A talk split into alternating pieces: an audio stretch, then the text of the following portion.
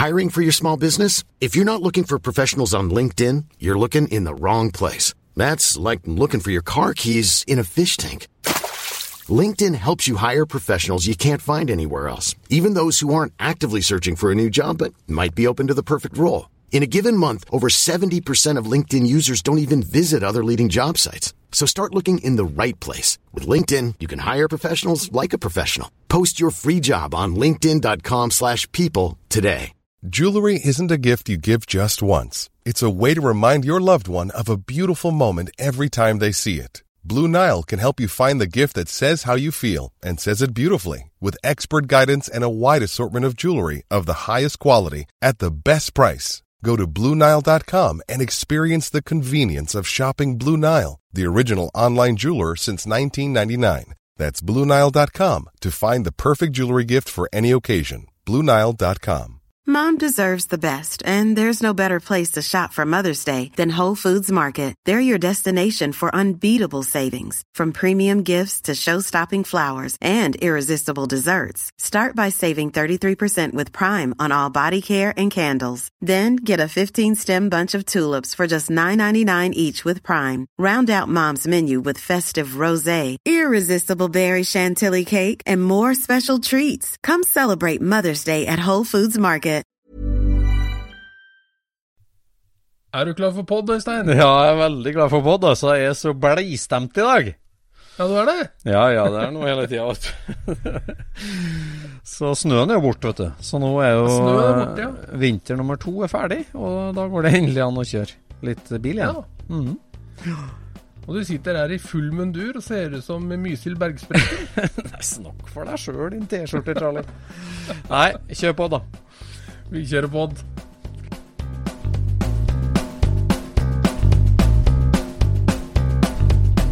Du lytter nå til Scootspodden, en norsk podkast om klassisk bil med Jon Roar og Øystein.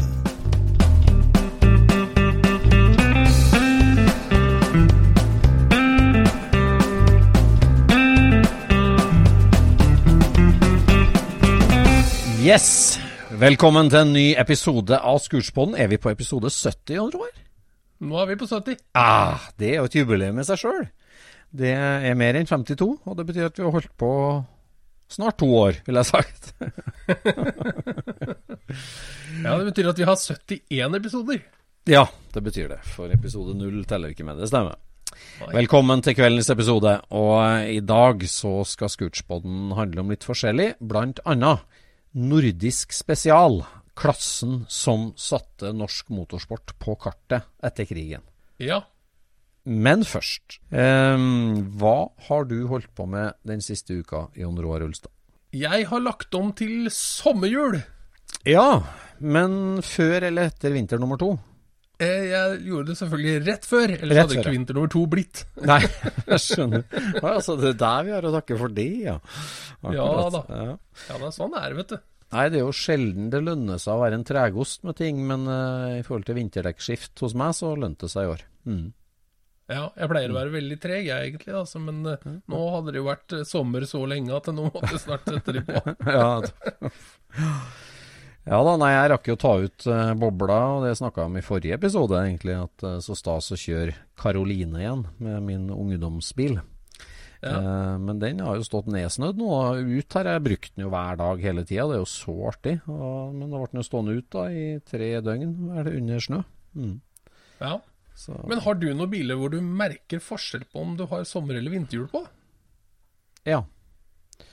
Det har jeg. Har- Jeg har stort sett piggdekk på alt, så det er Ja. sånn med uten hørselvern for meg. ja, egentlig. Ja, Ja. du har piggdekk, du, ja. Ja, Ja, ja, ja, ja, ja, ja.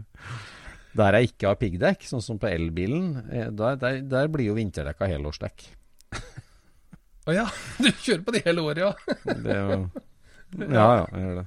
Slite ut myk gummi, gummiblanding, det er veldig økonomisk. Mm. Ja, det er en smart måte å gjøre det på, det. Ja, det det. Nei, men altså, jeg syns det er digg. Altså, den første turen etter at du har satt på sommerhjula, da ser jo bilen vanligvis litt bedre ut, i hvert fall. Eh, Mm. Ja, det gjør det. Og det er eh, en liten sånn en liten sånn Asterix i hjørnet Ja, på kjøreturen. det. er, ja, det er sant. Det er sant. Det er sant. Ja. Det Ja. er sant. Ja, Har du skrudd noen hobbybil, eller? Jeg har skrudd veldig lite hobbybil, jeg har det. Ja, Så, men jeg har øh, holdt på med Jeg har skrudd litt grann på øh, traktoren min. Ja, det er stas. Det er, det er noe å skru på overalt, vet du.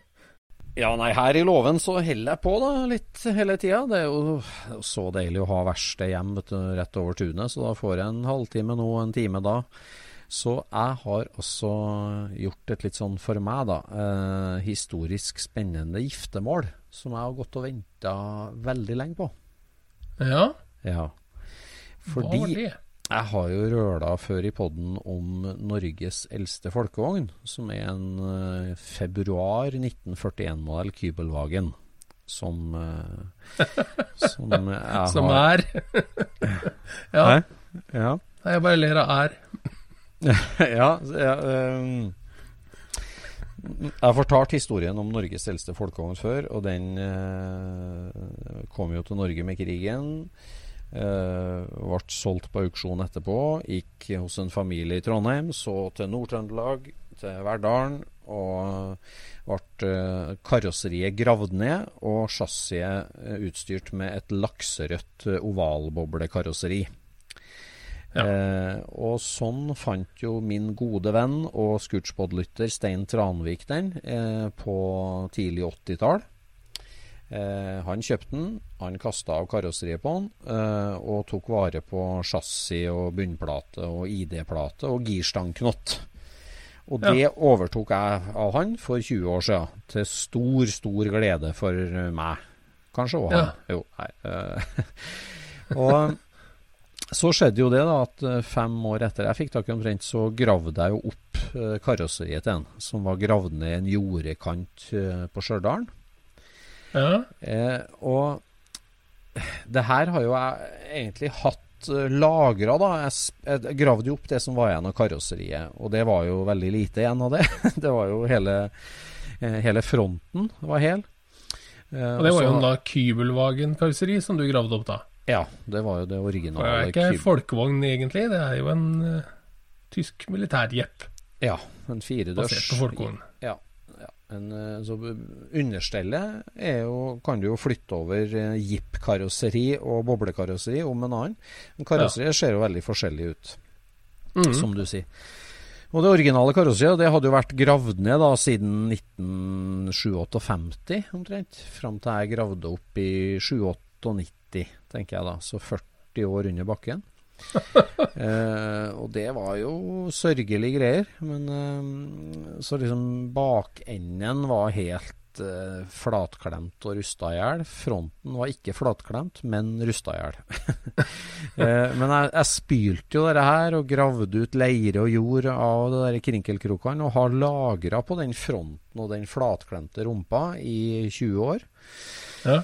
Eh, og så har jeg samla deler. da Ny bakpart fra en originalbil, nye kanaler, uh, dører. Alt det her er ting som jeg liksom plukka opp underveis da i 20 års med samling.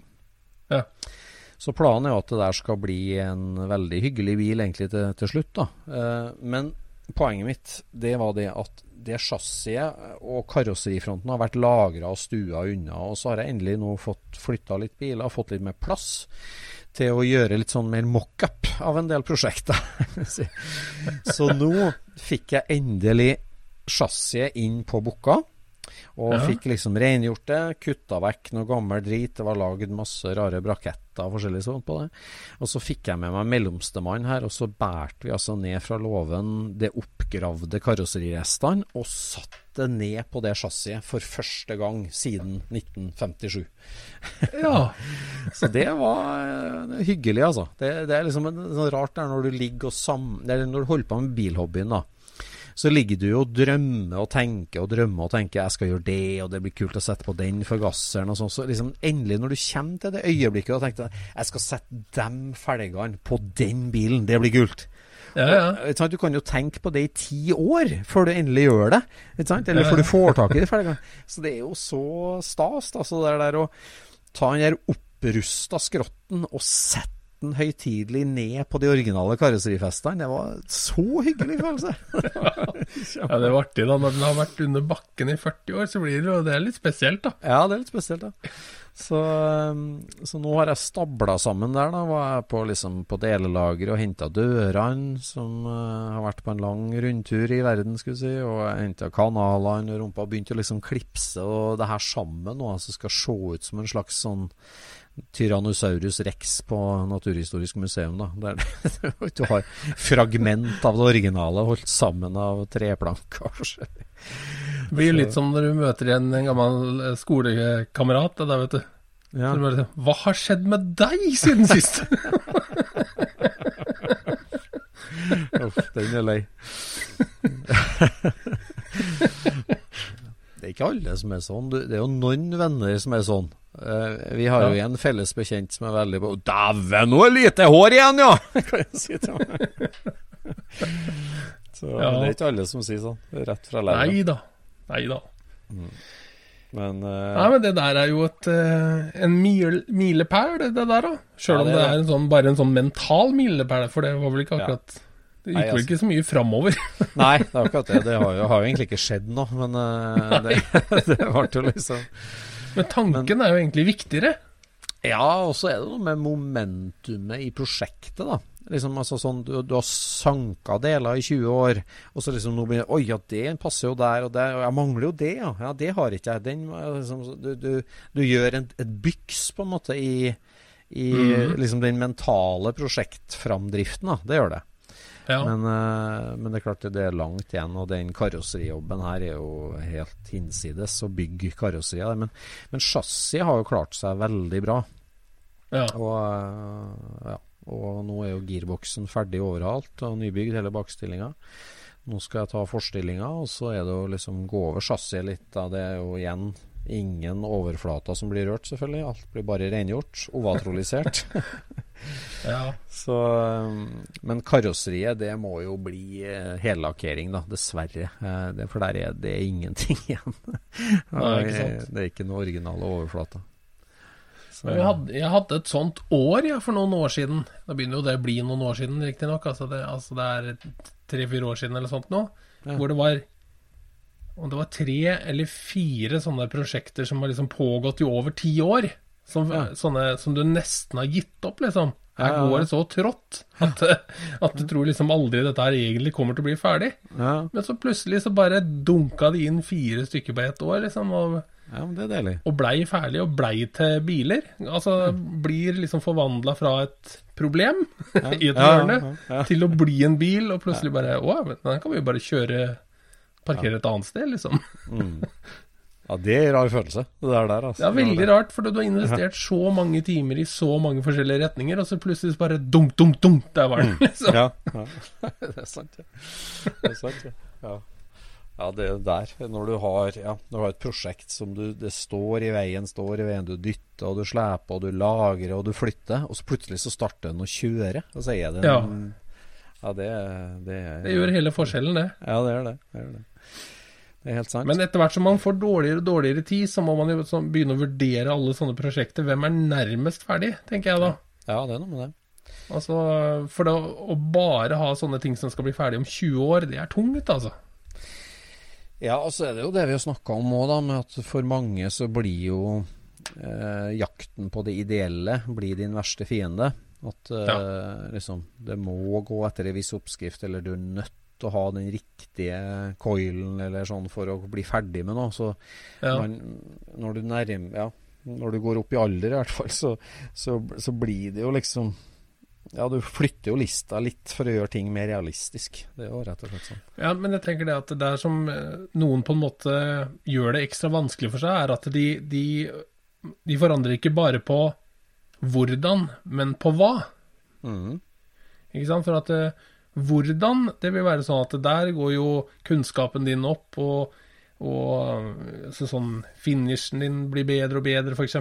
Mhm. Mens hvis du har et mål som er satt på sånn skal den bli, mm. altså dette her er de delene, dette her er sånn den bilen skal bli, hvis det begynner å endre seg, mm. da blir du aldri ferdig. Nei, det er sant. Du er nødt til å gjennomføre bedre og bedre, kan du si, men du er nødt til å sikte på samme hva. Ja. Ikke sant? Mm, det er sant. Ja, det, når, når det liksom sånn Ja, nei, nå er jeg halvveis i bygge dette her til Dubaia, men nå skal det bli originalcab igjen. Ja, liksom. Nei, det er jo evighetsmaskin, da, hvis du, hvis du driver endrer sånn hele tida. Ja, så kjøper du blader eller sitter med Instagram, da, da skifter jo planen annenhver uke, liksom. Mm. Ja, ja. Det går ikke. Du er nødt til å stille inn i siktet, så må du ha tru på deg sjøl. Sånn som jeg vil ha den. Det er riktig for meg. Men, men, altså, men jeg jeg er helt enig i det, og det, der er jo helt sant. Men eh, altså eh, I hvert fall når du bygger veldig ombygd bil, da, eh, så er det jo en moden Det er jo en best før-dato. Det er en modenhetsdato på en del ting. Eh, Tenker jeg liksom der du Hvis du hvis du går veldig hardt ut og skulle bygge flake-lakkert van med fullt plysjinteriør Ja. eh, sant? Hvis du starta med den guttedrømmen i 1977, men så ble du Ja. først ferdig med det i 2002 Ja. da, da er jo det Da er du for seint ut. altså, Ja, jeg, jeg er enig i det. Det fins noen holdbarhetsdatoer på ideer òg, på en måte. ja, det gjør det. Gjør det. Og, Men, men det er ingenting som blir rarere enn at du ser at han holdt på med å bygge en stålbredda Volvo 240 platecab ja.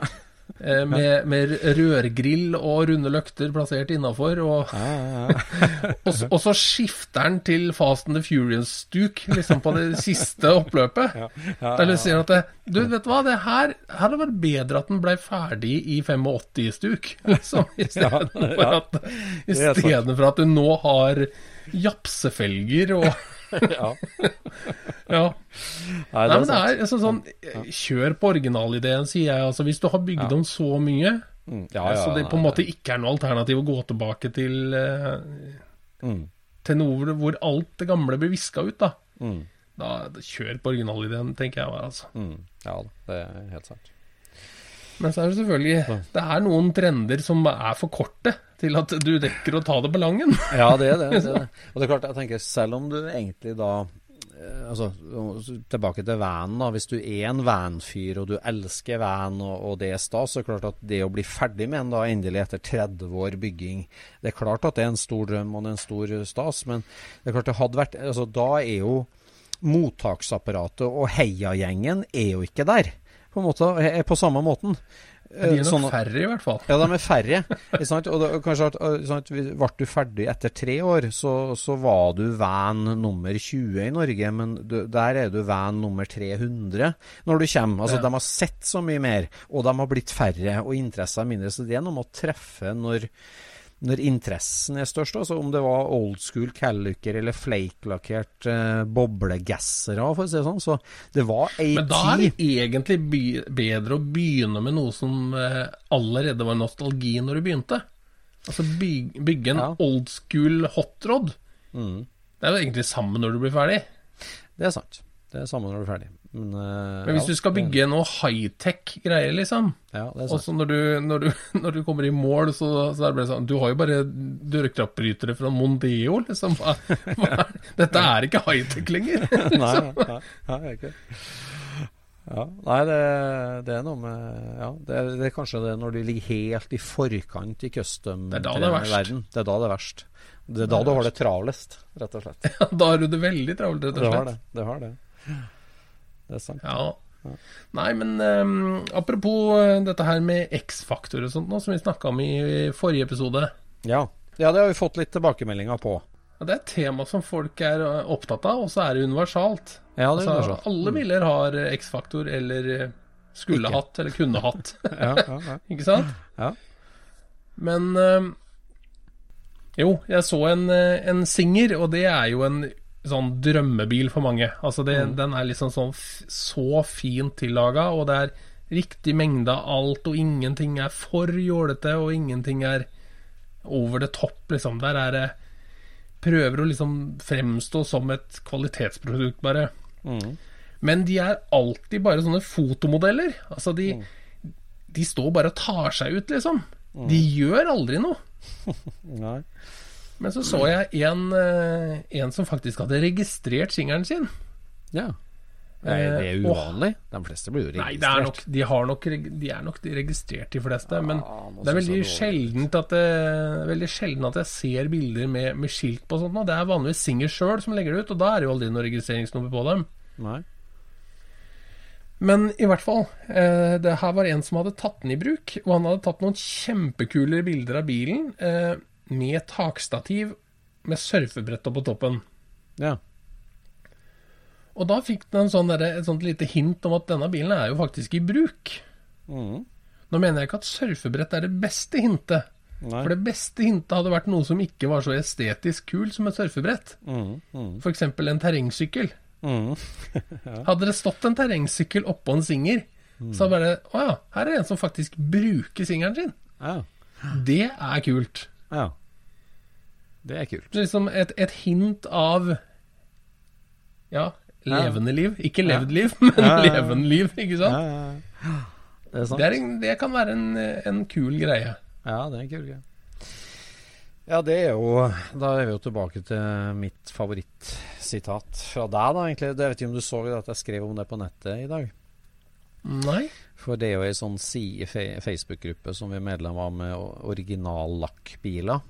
Bare lov for originallakkbiler. Og så la jeg ut bilde der av eh, min eh, Mars 52-modellboble. Som er eh, helt original. Original lakk på alt. Til og med felgene. Der jeg Ja. eier, eier nummer tre. Og så var det en som skrev det. Altså, den har jo et N-skilt så stor som en laptop midt på bagasjeluka. Ja. For nærsynte tollere. Det er jo flere Dere har mobba meg for den før, med at jeg som visste ikke at de lagde N-skilt for svaksynte. Um, det er jo veldig stort, men det, det, det er jo der, og det, det, det har jo vært der hele tida. Det vil si, det var jo et S-skilt når jeg kjøpte den, da, men eh, jeg fant jo helt likt N-skilt som jeg bytta med. Så skruene og falminga på lakken bak er jo helt autentisk. det sånn. Ja, ja, ja. ja. Eh, men i hvert fall så la jeg ut bilde, så var det en amerikaner som jeg kjenner godt, og som skrev det som I love it, great car, liksom, but I would lose the big N on the back if it was mine, skrev han. Ikke sant? ja. Og da måtte jeg quote deg da med at uh, noe må være feil hvis det skal være rett. og ja hvis det skal se ekte ut, ja. jeg skal ja, noe Jeg skrev det. eh, Something has to be wrong for something to be real, skrev jeg. Ja, ja, ja, ja. Eh, og, og det er jo det, sant? At eh, du, ingen in their right mind ville ha satt på et så svært skilt deg, men det gjør den jo så jo ekte. Det er jo Ja, helt vilt. det er helt vilt. Men eh, det, det gjør den jo så ekte, og det er jo så herlig. Eh, og det, det, ingen bygde biler bygger jo inn den der feilen. så, Nei, nei, det gjør ikke det. Altså, du, du tar ikke og altså, bygger en, en 100-poenger, og så setter du på noe som bare takering. gjør at hele bilen tryner, liksom. ja. Men det er Men altså, ja. Nei, det, det var jo det, da. Men, eh, Ja, ja, ja. Mm. Nei, men, Men det, på sykkel, sykkelfronten så fikk vi jo litt feedback òg. Ja, det virker, det virker som alle i vår generasjon har drevet med nøyaktig det samme. Ja, det gjør det. Lego, Tamia, sykkel, moped. Ja, ja, ja. Boble. Martin på jobb og kom og sa det er jo helt vilt, de har jo gjort akkurat det samme. Men han ene som skrev om at han bygde shoppergafler med hasjstaur, den syns jeg var drøy. ja, den var heftig. Det har jeg ikke hørt om. men Det lurer jeg på hvordan det Jeg tenkte vi måtte svare han på liksom, hva, hvordan gjorde du det? Det høres helt vilt ut. Ja, det må, det må bli litt sånn steampunkete på et eller annet vis. Ja, det må bli Nasjonalromantisk på et vis. rimelig risky også, da, å treffe i fartshump. Skulle du si. Nei, da, da er det bråstopp, altså, hvis du går på en smell der. Så det var drøy. Ja, det er sant. Det er sant. Men ellers så Ja. fikk vi et herlig bilde av uh, direktøren på Hotshop, da, Øyvind Berger, med sin shop, shopper. Ja, ja, ja. ja. Han skrev en liten tekst der, vet du. Vi, vi, må jo ta oss en prat med han på et eller annet tidspunkt. Ja, det skal vi. Eh, Men han snakka jo da om, eh, om klubben, da, Scorpions, som er sykkel, sykkelklubb med, med medlemskort og liksom full pakke. Ja. Det kan, jeg, det kan jeg savne med å ikke ha vokst opp i byen. At det, det blir litt som internett, ikke sant. At ja. i en by så vil det være lettere å finne flere som liksom eh, har lyst til å gjøre det samme. Ja. ja, vi var en hel gjeng som sykla i Rudolf Raceway i Trondheim, ja. Det, da var vi Det var alltid fullt i gata med rare sykler. Ja, ja, ja. Ja, det var jo ikke noe mangel på det her heller, men jeg tror ikke jeg hadde klart å starte en sykkelklubb. Det tror Nei. jeg ikke. ja. Jeg tenkte på det, jeg er jo medlem av ei sånn gruppe som diskuterer motorsykkelnostalgi i Norge. Og jeg er jo vokst opp bare to steinkast unna brakka i Trondheim. Altså, du vet Det er jo så absurd at etter krigen så sto det jo igjen en haug av tyskerbrakker på Lerkendal i Trondheim. Ja. Og så ble det jo mange revet av dem, så sto det igjen to fine, svære tyskerbrakker. Og Trondheim kommune de ga jo bort den ene til det vordrende idrettslaget Rosenborg. Ja. Og den andre ga de bort til Roadies MC, eh, som var Ja. en av de første store MC-klubbene i Norge. Og begge de her brakkene levde jo sine liv, da, for å si det sånn. Ikke sant? Har gjort. Og klart Rosenborg ballklubb har jo fått uendelig med penger og bygd en uendelig stadion og uendelig treningsanlegg. Men Roadies-brakka, som ligger ett steinkast literally unna, ikke er med helt lik som hovedkontoret til Rosenborg ballklubb, ligger jo helt ved siden av. Den er jo freda, og en flekk rundt den er freda, så festplassen til de gamle shopper-tullingene, jeg skulle si, eh, er jo freda rundt den brakka. Og, og du vet at Roadies var jo en av de virkelig store første som var bygde jo kjempekule sykler vet du, på 70-tallet. Og så ble det jo krangel internt, fordi at noen av dem ville rekrutteres inn i Hells Angels når de kom til Norge. Og så ble jo den klubben delt. Sånn at dem som var interessert i motorsykkel, ble igjen og starta Rams MC. Og dem som var interessert i Hells Angels, de starta Hells Angels Norway. Så den klubben ble delt. Så den Ja. dag i dag så holder jo Rams MCT da, i den freda brakka, omfavna av Lerkendal stadion. Eh, og eh, det har vært jo en lang historie for å fortelle det at vi sykla jo ned dit. Eh, for jeg er jo vokst opp ja, to steinkast unna, og vi sykla jo ned dit og så ekte shoppere. Altså, du så jo det Ja. i blad, wheels og sånn, men altså der var, det var jo fleiklakkerte Triumph-sykler og Traik og Harleyer selvfølgelig, og massevis. Det var jo så kult, vet du. Og Ja. ja, og ble sykkelinspirert der, da. Var det noe borti den der eh, Rosenborg-brakka, da? Nei, det bruker jeg å skryte av at uh, hele mitt liv Jeg vokste opp to steinkast fra Lerkendal stadion. Jeg har vært, vært der én gang i mitt liv. Da var jeg russ. Og da var det sånn, Ja. du, var, du var ikke russ i Trondheim om du ikke var på Lerkendal stadion på 16. mai-kampen. Men Aha. 16. mai-kampen da ble avlyst pga. snøvær. så, så jeg har vært der en gang, men aldri sett fotball. Ja, det er noe å henge i hatten. Ja, det er det, vet du. Det ga jo ingen russeknute, kanskje. Men.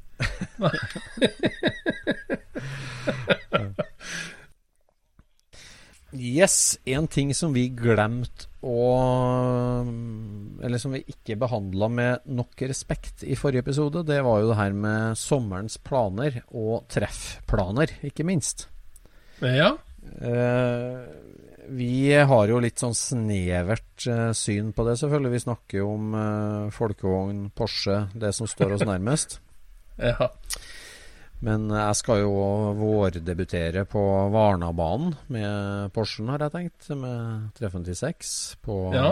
på gokartbanen der. Det har vi snakka om, og det gleder jeg meg til. Det er første helga i mai. Mhm. Det er ikke langt unna. Um, og så er det på trappene nå en vestlandstur igjen, forstår jeg. Ja.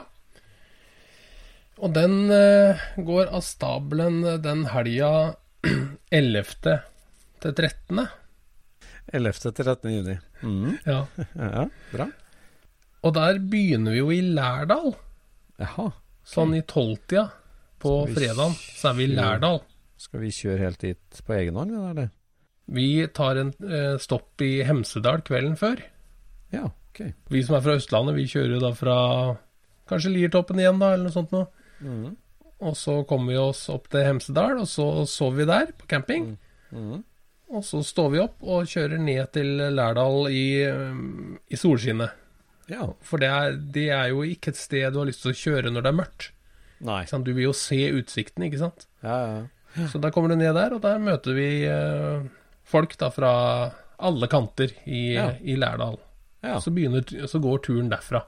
ja. Så starter vi der på fredags formiddagen, eller fredag midt på dagen, jeg sa jo. Vi starter Ja. i Lærdal. Ja. Mm. Og da er jo tanken det at det er ikke et arrangement, det er ikke et treff, det koster ingenting. Det er bare å si at eh, vi er interessert i kule biler.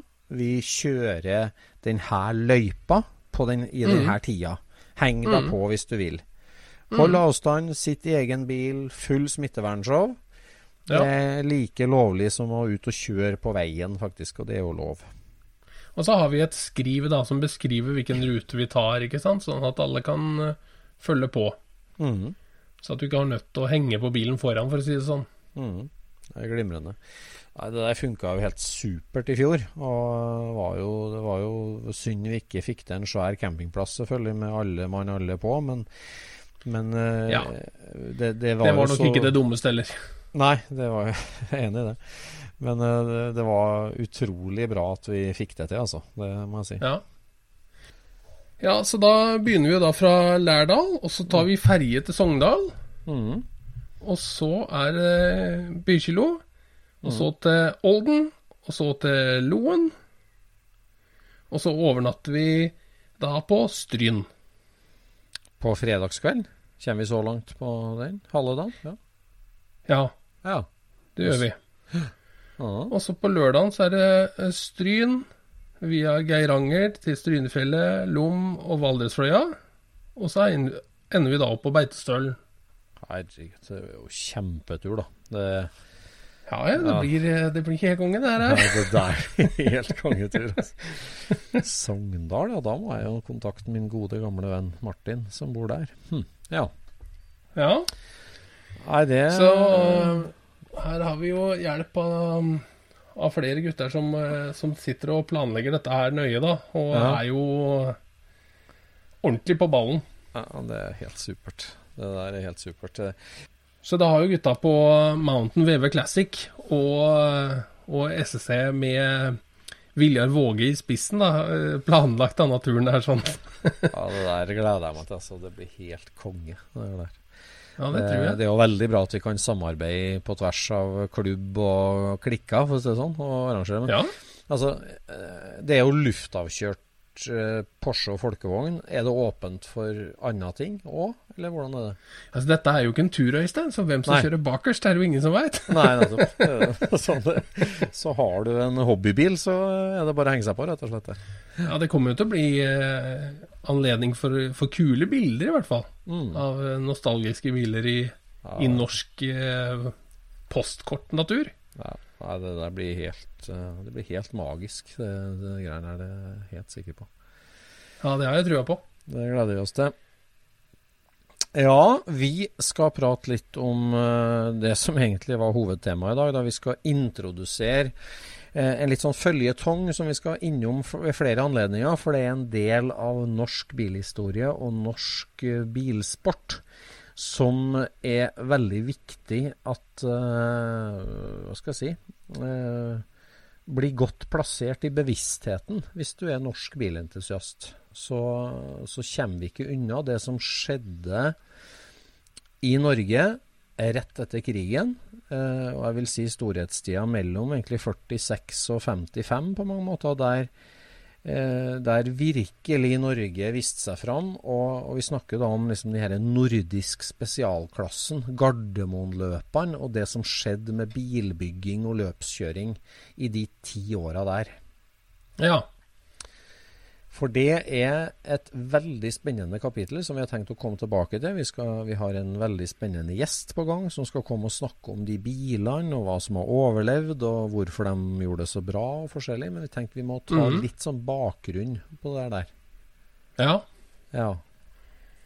Tenker du at de fleste norske bilentusiaster har et forhold til det der? Nei, det her er jo bare rare bilder på internett, er det ikke det? Altså Ultimately så tror jeg at det er det som motiverte Kjell Aukrust òg. Til, Ja, det er nok det, er til bibelen og hovedfilmen vår, som vi har snakka om mange ganger, Flåklypa Grand Prix. Ja, for det, det som er så rart i Flåklypa Grand Prix, at det er noen som stiller opp med noe som er en hjemmebygd hotrod, liksom, Mm, ja. imot det internasjonale Ja. eh, racingscenen. ja. Og det er jo på en måte Det speiler jo på en måte det som faktisk foregikk også. Ja.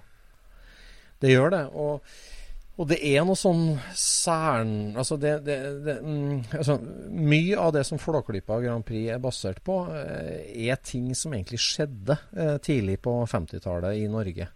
Fordi at eh, Ja, vi må prøve å spole klokka litt tilbake og se for oss litt hva som hva som egentlig Altså situasjonen i Norge rett etter krigen var jo for det første det at uh, bil var jo et, uh, et luksusgode som veldig få hadde tilgang til. Det var veldig lite nye, spennende biler å se på veier.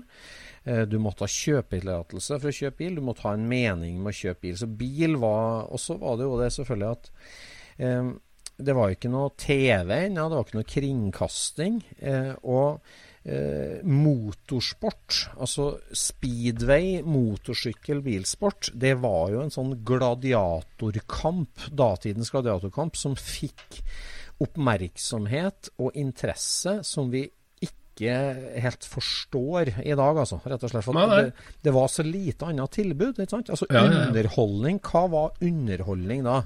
Det var liksom på tronen, det der. Det var antageligvis sirkus, sirkus tivoli og det der.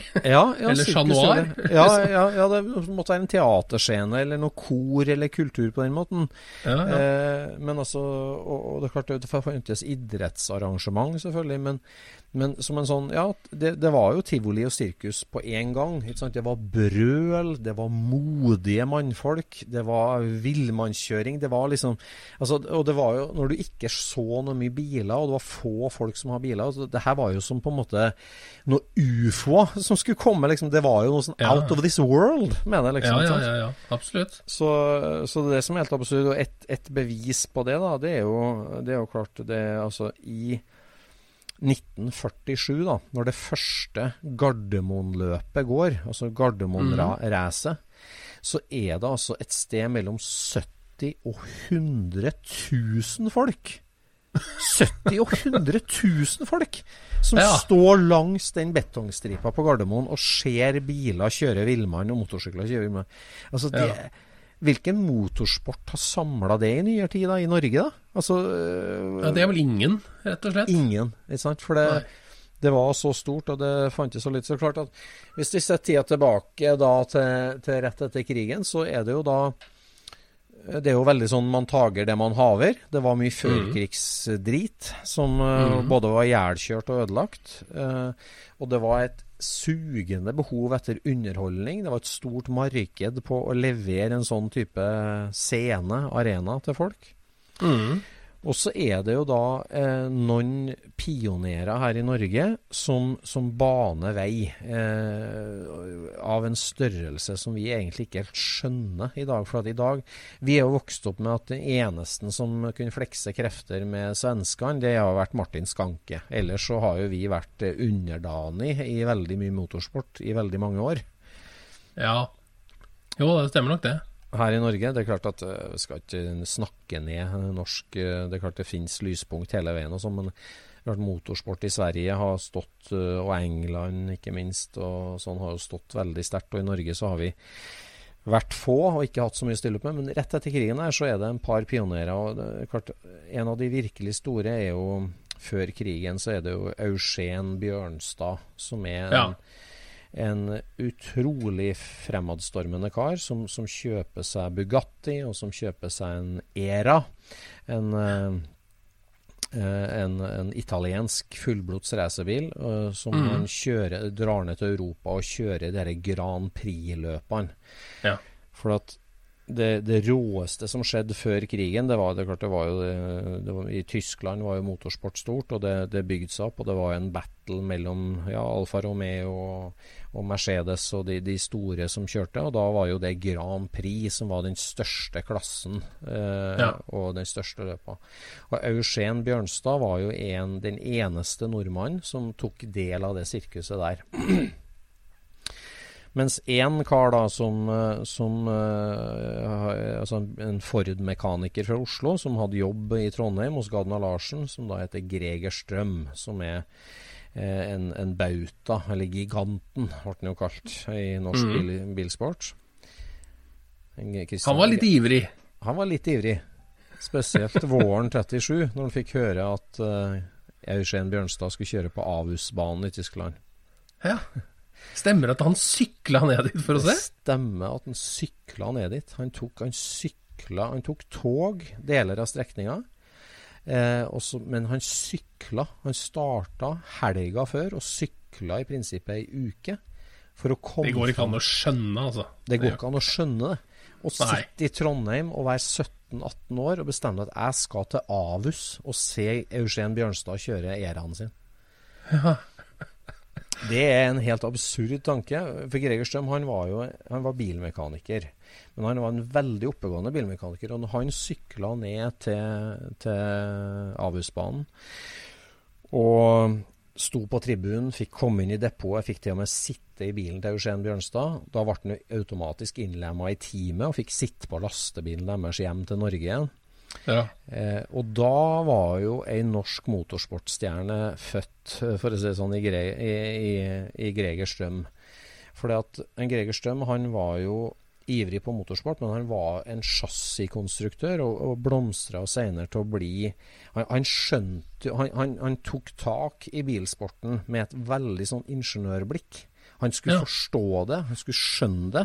Det var ikke ja. bare å se på fargen og de kjørte fort. Hvorfor kjørte de fort? Han, han lå på bakken i depotet og skissa hjulopphenge til Alfa Romeo, hjulopphenge til Mercedes Sølvpilene, som han så på der. Han, han, hadde med seg skisseblokk og tegna i det. Altså ja. Bøkene til Greger Strøm eksisterer jo i dag. Deler av biblioteket hans er jo godt, godt tatt vare på. Altså Det er chassiskonstruksjonsbøker full av notater. Det er kladda okay. blyanter og skisser hele veien gjennom i uh, Greger Strøms uh, bøker. Ja. Og um, så det er klart at uh, han Greger han dro, ble jo da med lastebilen hjem. Dro hjem til Trondheim, til Gadna Larsen, og begynte å bygge sin første racerbil uh, på ei A-Ford-ramme. Lånte seg kamaksling, lånte seg en trimtopp bygd Greger Strøm spesial nummer én, som er debutert med på Leangenbanen. Da ja, den bygde han om natta på firmaet. At han krøyp inn gjennom et gjerde der og holdt på om natta på de greiene der, for det var helt hemmelig. Han hadde jo kjøpt seg en eh, en A-Ford som sto utafor med, med, en presenning over. Og så tok han av foraksjeren og, og jobba med den inne på fabrikken om natta uten å slå på lyset. Med bare med lommelykt og holdt på. Ja. Og så var det ut om morgenen igjen og sette den tilbake under presenninga på A-Forden. så når han var ferdig med bilen, så var det jo ingen som hadde visst at han bygde bil. Nei. Nei, Men da syntes jo til og med ledelsen i, i, i firmaet der at det her var jo faktisk veldig bra. Ja, nei, Det er helt utrolig. Han vant jo på Gardermoen i 37, så bygde han jo ny bil i 38, som han eh, fikk problemer med i, først, i finaleheatet, vel. Og eh, kom aldri til mål, eller fikk andreplass. Jeg husker ikke helt hvordan det var. Men Gregerstrøm nummer to. Så kommer jo krigen. Og, og, altså Før krigen så var det en del kjøring i Norge. Eh, det var noen pionerer. Så kommer krigen. Alt blir stopp. Alt blir stopp. Og så skjer jo det da rett etter krigen, at det her blomstrer opp til å virkelig ta av. Mm. Og da er det jo noen, eh, noen travbaner som kjører speedway-løp, og, og, det blir dratt fram alt mulig rare gamle biler, utslitte 30-tallere, som, som uh, danner grunnlaget for liksom, ja, folkets behov for litt underholdning da, og glede i en nitrist etterkrigshverdag, på mange måter. Ja, ja, ja. Og så er det jo NMK, da, Norsk Motorklubb, som, som drar i gang Gardermoen-løpet i 1947, som blir en kjempesuksess. Mm. Eh, med som sagt 70 000-100 000 tilskuere. De kjører opp og ned den gamle fly, eller nye da, flystrekka til, som tyskerne hadde lagt igjen her, betongbanen. Eh, Gregerstrøm bygger jo bil som han deltar med, en Fiat-basert sak som det aldri blir noe veldig skikk på. Det kommer svensker som blir med. Eh, og det, det, er et kjempestort motorsportsarrangement. Og det her er jo Da er jo FIA etablert, Det internasjonale motorsportsforbundet. Ja. Og, og rundt Greger Strøm, da, som har flytta ned til Oslo og starta jobben sin på Fram Motorkompani, ja. så er det et veldig miljø eh, eh, med ivrige ungdommer. Folk som vil skru bil. Og så ser de da til Europa. De, for Fia er på gang. Og det som het Grand Prix-klassen før krigen, det heter jo nå Formel 1. Nå skal det bli Formel 1, Formel 2, Formel 3. Og Formel 1, der var det 4,5 liters motor, og ikke skjerma på hjula. Det var single seaters og 4,5 liters grense. Ja. Eh, var det. Eh, Formel 1. Og det kopierer nordmennene, og det kopierer svenskene. Men det er klart, det var ikke noe det var, ingen, det var, ikke mange utlendinger som kom til Skandinavia, så det ble et skandinavisk miljø som da fikk tilnavnet Nordisk Spesial, som kort sagt gikk ut på å bruke en flatåtter Ford-motor som lett var blåst opp til 4,5 liter. Og så Ja. var det noen som kjørte kompressorer.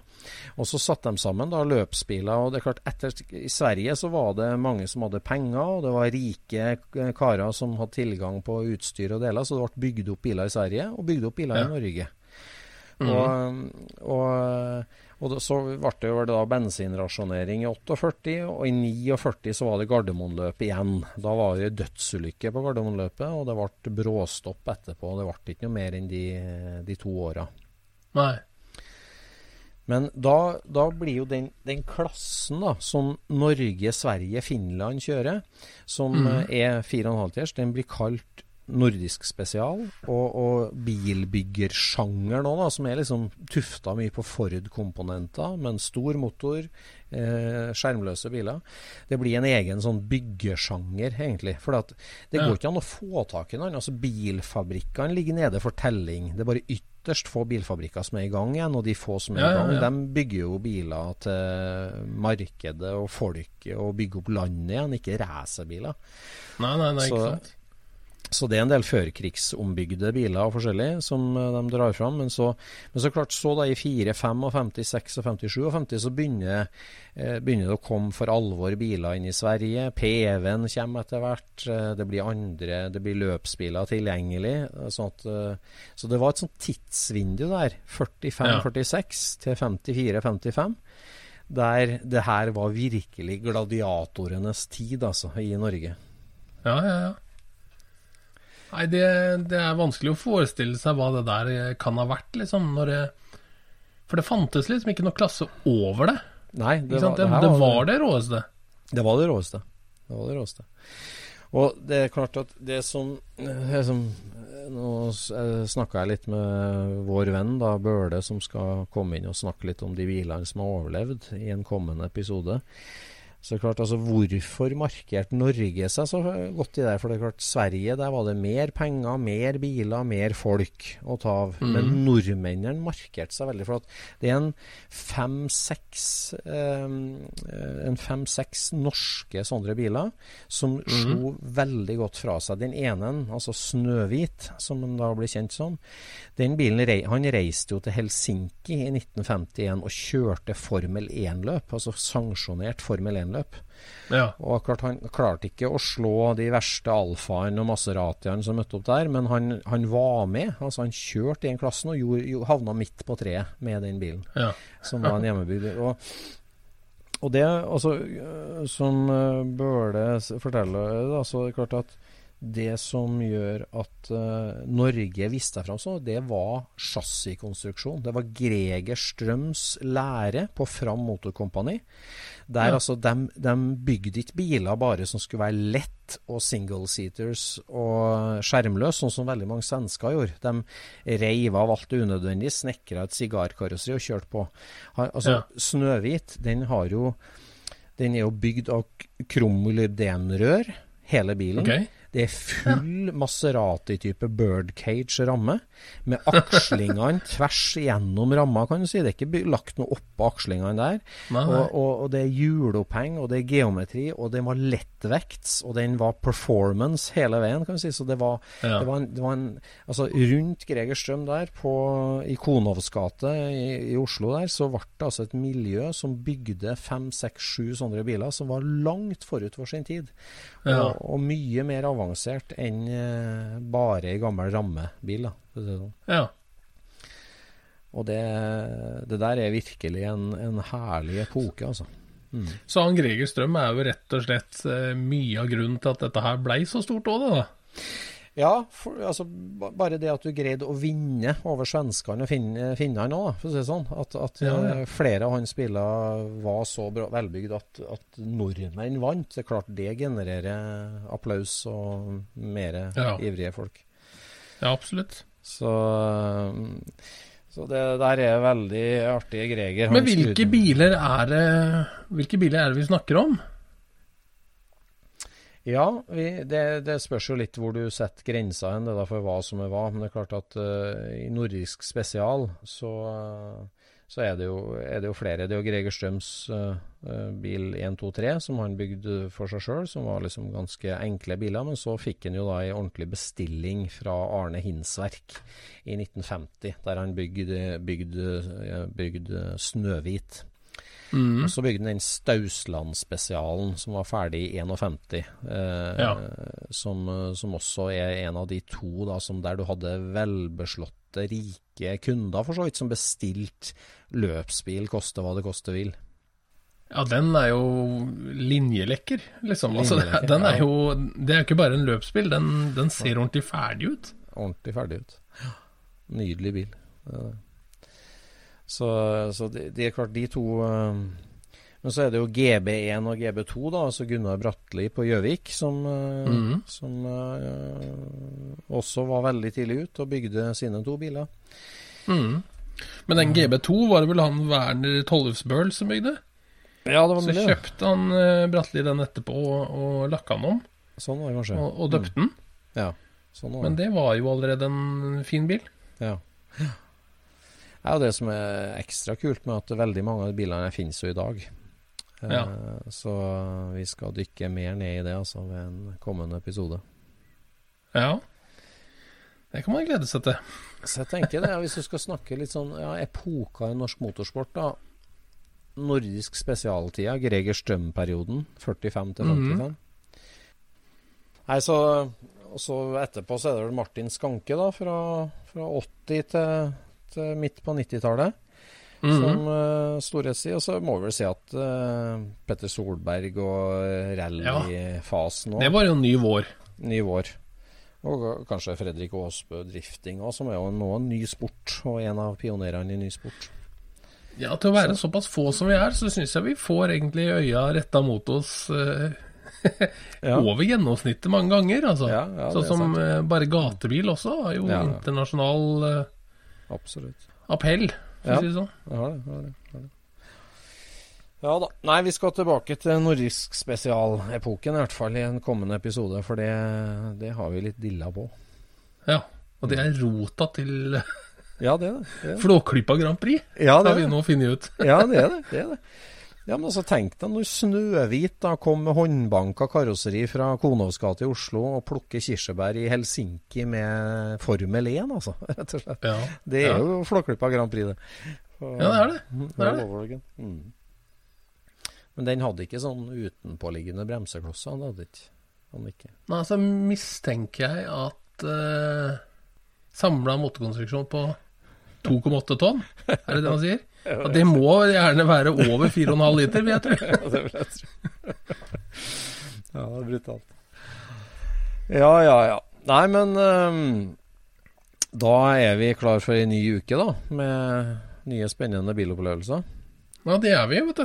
Inn mot eh, episode 71. Har du noen planer for kommende uke? Har jeg noen planer? Jeg kom jo på én ting, da. Jeg fikk jo et såkalt engelsk hjul her om dagen. Ja, det gjorde du, ja. Nettopp. Det, Så nå må jeg få noen blå tomler etter hvert. det blir en ny Det blir en ny æra i garasjen Ja, det blir det, altså. Ja. Det blir artig. Artig å lære seg noe nytt. Ja. Hva er det de alltid starter med på lassekurs? Er det askebeger? Er Nei. Nei, det kanskje ikke det. Ja, det tenker jeg. Det Askebeger, det kan det bli noe av. Ja. Suppebolle. ja. Ja. Nei, det gleder jeg meg til. Det gleder jeg meg virkelig til. Det blir moro. Ja. Yes, vi er på slutten av Scootspodens episode 70. Hvis du har en venn som er interessert i bil, tipsen om Scootspoden. Mm. Hvis du er glad i Scootspoden, send de to karene i Scootspoden en melding på Instagram eller Facebook, og kom med et tips om hva vi skal prate om, hva du liker med bil, hva du ikke liker med bil, eller en artig bilhistorie. Og vil du være med og støtte, så kan du gå inn på Patron og søke på Scootspoden, Ja. og så sette av en, en slant i måneden til å holde lyset på her. Ja, reisebudsjettet for sommeren, nå når vi kommer ut av koronatunnelen, så har vi så lang gjesteliste, så vi må, vi må rett og slett ta fri fra jobb ved å reise rundt land og strand. Ja, vi har mye å ta igjen. Vi har Vi det. har det. Yes, god kveld, kjære Scootspod-lytter. God kveld. Scootchpoden produseres av SSE Media, med god hjelp av VV Norge og Trond Dahl for hosting, Knut Micaelsen for musikk. Abonner på Scootchpod via podcaster eller Acast, og følg Scootchpod på Instagram og se det vi snakker om. Der kan du også komme med kommentarer og innspill, og fortelle oss hva du vil høre om.